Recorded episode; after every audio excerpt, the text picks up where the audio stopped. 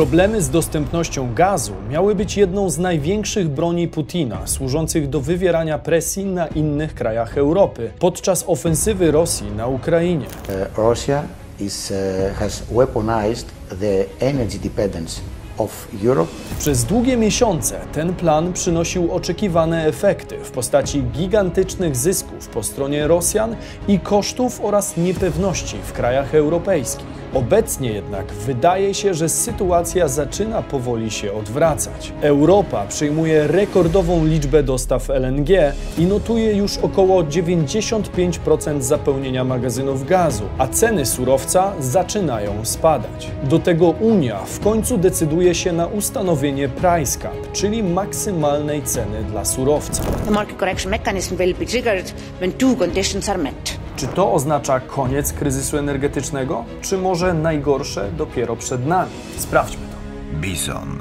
Włączeni do świata biznesu i finansów. Cześć, tutaj Damian Olszewski i witam Was serdecznie w programie Praktycznie o pieniądzach i edukacyjnej serii Bizon. Dzisiaj zorientujemy się, jak to jest z tym europejskim gazem i zimą. Czy jesteśmy już wystarczająco przygotowani na trudy najmroźniejszej pory roku, pomimo energetycznego szantażu ze strony Rosjan, czy może wręcz przeciwnie? Jeśli interesują Was tematy gospodarcze i finansowe, to warto subskrybować kanał na dole i dołączyć do świadomej społeczności Bizonów. Zostawcie hashtag Bizon w komentarzu aby zaznaczyć swoją obecność i nakarmić algorytm. Czas to pieniądz, więc zaczynajmy. Europejska zależność od rosyjskiego gazu. Kiedy mówimy o surowcowej zależności Europy od Rosji, warto przyjrzeć się temu, jak w zasadzie do tego doszło. Mówimy o dziesiątkach lat postępującej integracji energetycznej, wyrażonej w miliardowych inwestycjach i wielokilometrowych nitkach gazociągów łączących Europę z rosyjskim surowcem. Europa stopniowo uzależniała się od rosyjskiego gazu już od czasów Związku Sowieckiego. Europe got, in some ways, addicted to cheap Soviet and Russian gas. It was plentiful, it was affordable, was round the corner, and it really became the backbone of the European industrialization.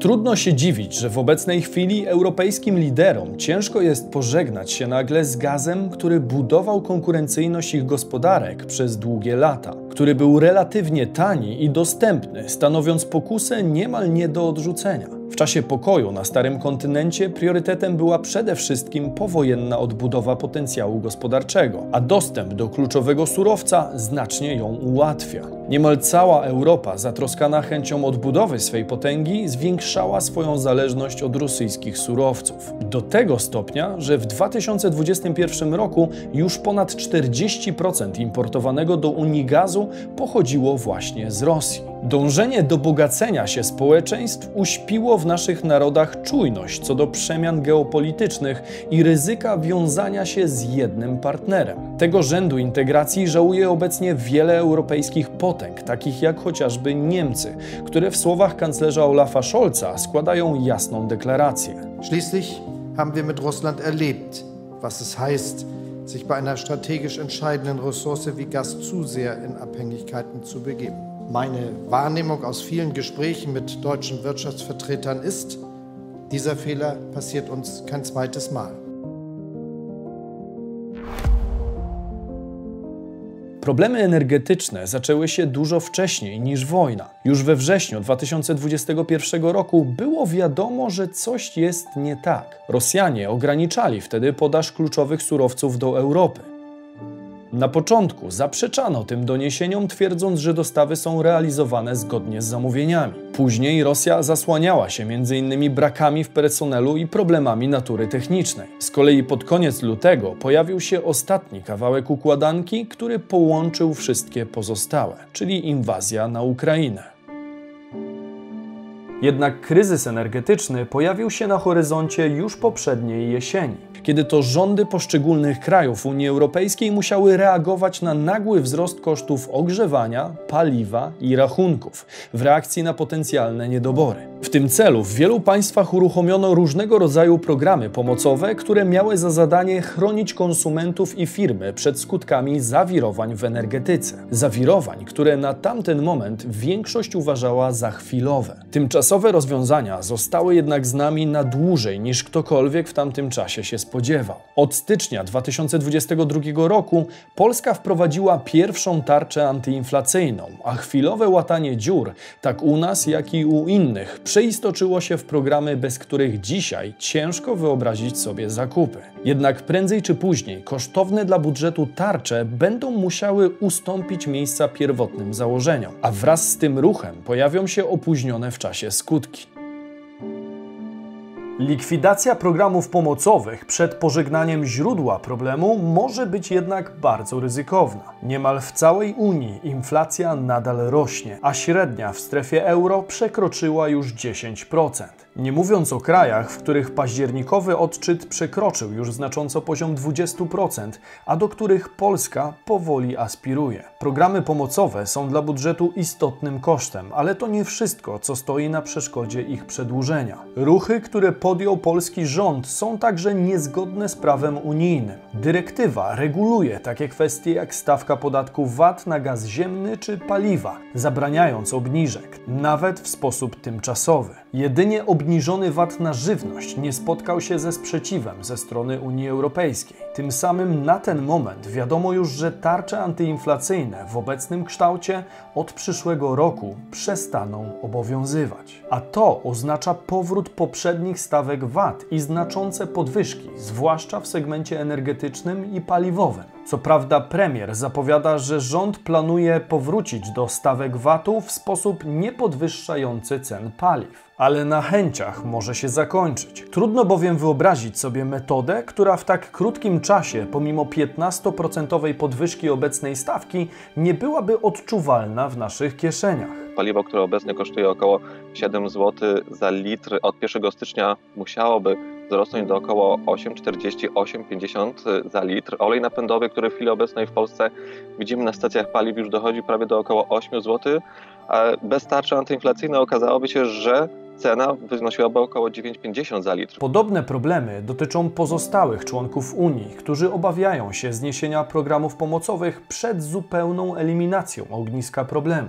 Dlatego Europa po wielu miesiącach debaty decyduje się na ruch kontrowersyjny, ale i prawdopodobnie nieskuteczny. Będą nim regulacje cenowe dotyczące gazu, których założenia są niestety odrealnione, ale do tego tematu powrócimy za moment. Pewnie nigdy nie będziecie negocjować nowego kontraktu gazowego z Rosją czy innym krajem, ale raczej nie unikniecie kiedyś rozmowy z obcokrajowcem. A w tym może Wam pomóc stały partner naszego kanału, czyli aplikacja Speakly, która sprawdzi się doskonale w nieco bardziej trywialnych sytuacjach życia codziennego, ponieważ bazuje naukę słów na realnej potrzebie ich użycia. Dzięki temu uczymy się tego, co rzeczywiście przyda nam się w późniejszej konwersacji. Co więcej, dojście do poziomu solidnego mówienia w innym języku powinno zająć około 3-4 miesiące przy założeniu 30 minut codziennej praktyki. Polecam aplikację Speakly m.in. dlatego, że wyróżnia się pragmatyczną metodą nauki, której opracowanie zajęło dwójce poliglotów ponad 6 lat. Możecie sprawdzić ją za darmo przez 7 dni, a jeśli Wam się spodoba, zyskajcie 60% zniżki przy rocznej subskrypcji. Link zamieszczam w opisie filmu. Każde ściągnięcie aplikacji pomoże nam w dalszym rozwoju kanału, a Wam w efektywnym zwiększeniu kompetencji językowych. I to się nazywa win-win. Czy Europa jest gotowa na zimę?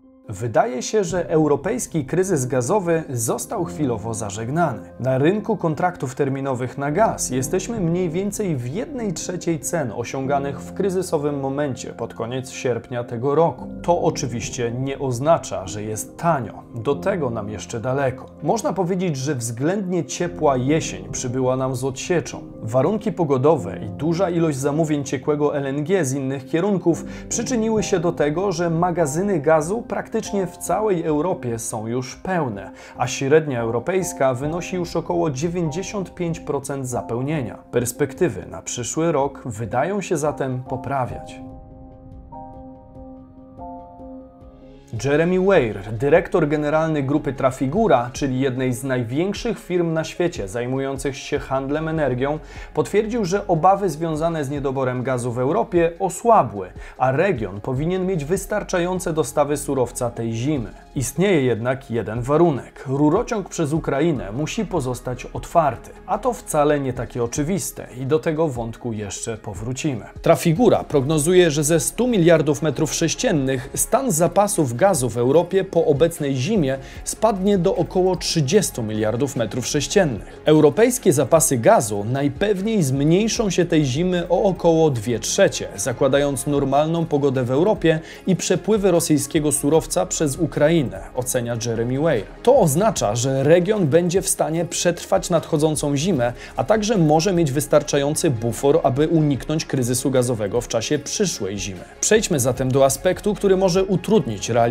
tego scenariusza. Gazprom odetnie Europę od dostaw? Pod znakiem zapytania stoi działanie ukraińskiego gazociągu, które stanowi obecnie ważną część pozytywnych założeń. Gazprom planuje bowiem ograniczenie dostaw surowca do Mołdawii o 56,6% już na początku grudnia. Rosyjski gaz dociera tam właśnie przez ukraiński rurociąg, który pomimo działań wojennych nadal funkcjonuje. To ostatnia droga, którą rosyjski gaz trafia obecnie na zachód. Rząd Mołdawii uznaje te ruchy jako karę za działania w kierunku integracji z Unią Europejską. Pierwsza redukcja dostaw surowca miała miejsce na początku października bieżącego roku. Wtedy to Gazprom zmniejszył przesył gazu do Mołdawii o 30%. W listopadzie redukcja przesyłu wzrosła do 40%, a w grudniu przekroczy już znacząco 50%. Nic więc dziwnego, że europejscy liderzy boją się, że ograniczenia dotyczące Mołdawii to zapowiedź zakręcenia kurka przez Rosjan. Zupełne wstrzymanie i tak już niedużych dostaw surowca będzie dla Europy kolejnym wyzwaniem, zwłaszcza jeśli zima okaże się mroźna. Wcześniej gaz płynął do Europy również rurociągiem Nord Stream. Sabotage at sea, that's what President Biden is calling the leaks and explosions along the Nord Stream pipelines. This is natural gas, highly flammable natural gas that is bubbling to the surface. Jednak Nord Stream 1 już od końca sierpnia nie dostarczał gazu do Niemiec, a więc nie przynosił on pożytku obecnej sytuacji na długo przed domniemanym sabotażem którejś ze stron. Rosjanie wcześniej argumentowali to uszkodzeniem turbin, przez które ograniczono tłoczenie, a w końcowym rozrachunku zupełnie przestali przesyłać gaz tą trasą. To oczywiście ponownie obnażyło wrażliwość europejskiego rynku energetycznego, a tym samym przełożyło się na wycenę surowca. Cena kontraktów terminowych na giełdzie TTF sięgnęła wtedy astronomicznych 340 euro za megawattogodzinę. W przypadku utrzymania się stawek ponad siedmiokrotnie wyższych niż rok wcześniej, Europa mogła liczyć się z gospodarczą katastrofą. Dlatego państwa Unii w obliczu wroga widzianego już nie tylko w Rosji, ale również i na giełdzie, od miesięcy rozmawiają o regulacji cen gazu u dostawców, a także ograniczenia wpływów Putina z ropy trafiającej na nasz rynek. Po wielu debatach w końcu europejscy liderzy dochodzą do połowicznego porozumienia. Limity cen na gaz od dostawców i na rosyjską ropę. uh, that uh, we should uh, apply a price cap on natural gas because it is unreasonable for Europe to buy the most expensive gas in the world. There is no reason for this. Europa od wielu miesięcy sprowadza gaz w cenach znacznie wyższych niż stawki rynkowe, na przykład dla Azji. Nikt o zdrowych zmysłach nie oczekiwał chyba, że dostawcy LNG zachowają się jak rycerz na białym koniu i skierują tankowce do Europy bezinteresownie. Pomoc, której udzieliły nam w dużej mierze Stany Zjednoczone, ma swoją cenę. Ciężko się dziwić, że Europa szuka teraz drogi do normalizacji sposobów wyceny dostaw w porównaniu do innych kontynentów. Liderzy krajów Starego Kontynentu chcą więc wprowadzić dwa limity cenowe: na gaz dostarczany do Europy w celu ograniczenia manipulacji rynkowych i, jak to nazywają, niesprawiedliwej wyceny dostaw surowca oraz na rosyjską ropę, tak aby ograniczyć wpływy do budżetu Putina. W czwartek przedstawiciele 27 państw dyskutowali na temat wprowadzenia maksymalnej ceny dla rosyjskiej ropy. Jednak Polska i kraje nadbałtyckie zablokowały propozycję Komisji Europejskiej na limit cenowy na poziomie 65 dolarów za baryłkę. Ceny rynkowe są obecnie poniżej proponowanego pułapu cenowego 65 dolarów, co dla blokujących podważa zasadność wprowadzenia takiego limitu. Jeśli mamy uderzyć Rosjan po kieszeni, to musi być to realistyczne.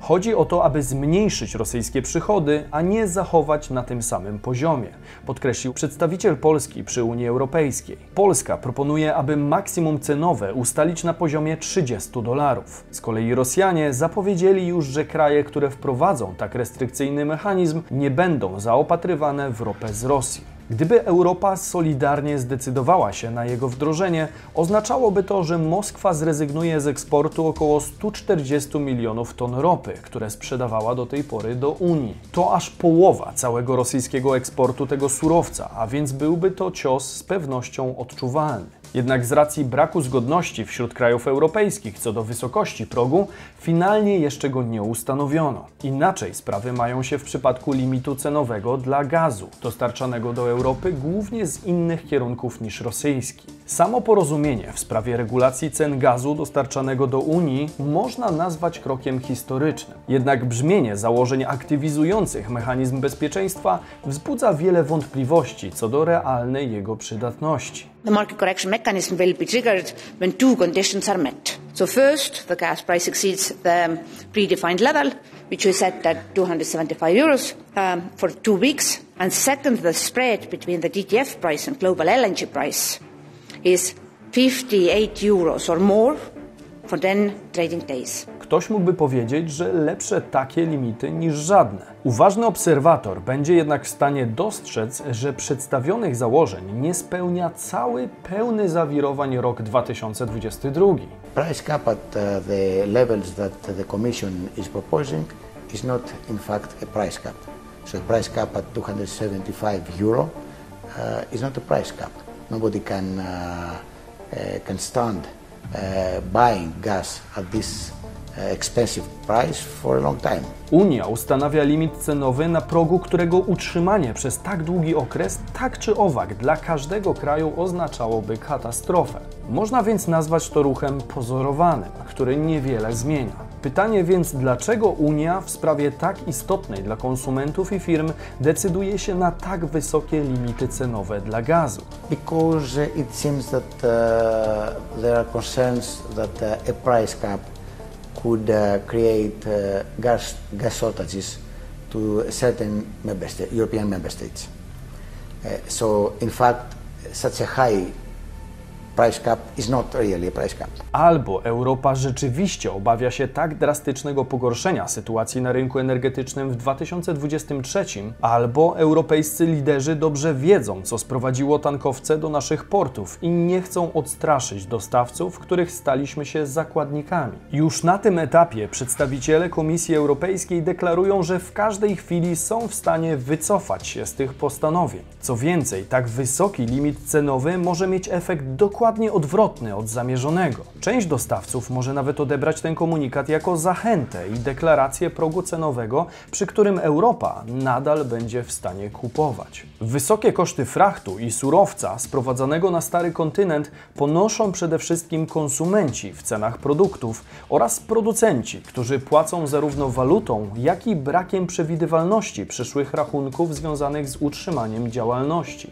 Sytuacja chwilowo wygląda na opanowaną, ale wygaszane tarcze i inne programy pomocowe oraz niepewne ruchy Unii mogą w przyszłym roku otworzyć kolejny rozdział batalii o przetrwanie i stabilizację. Jak sądzicie, jak rozwiną się europejskie problemy z surowcami energetycznymi? Najgorsze mamy już za sobą, czy może dopiero 2023 przyniesie apogeum trudności? Dajcie znać w komentarzu, a chętnie dołączę się do debaty. Mam nadzieję, że ten odcinek był dla Was wartościowy, a jeśli tak, to poszerzajcie świadomość razem z nami, udostępniając ten materiał. Wiernych bizonów jak zwykle proszę o hashtag bizon w komentarzu. Subskrybujcie kanał, jeśli tematyka ekonomii i gospodarki jest Wam bliska, a my widzimy się już jutro o 15 w kolejnej części serii Bizweek. Cześć!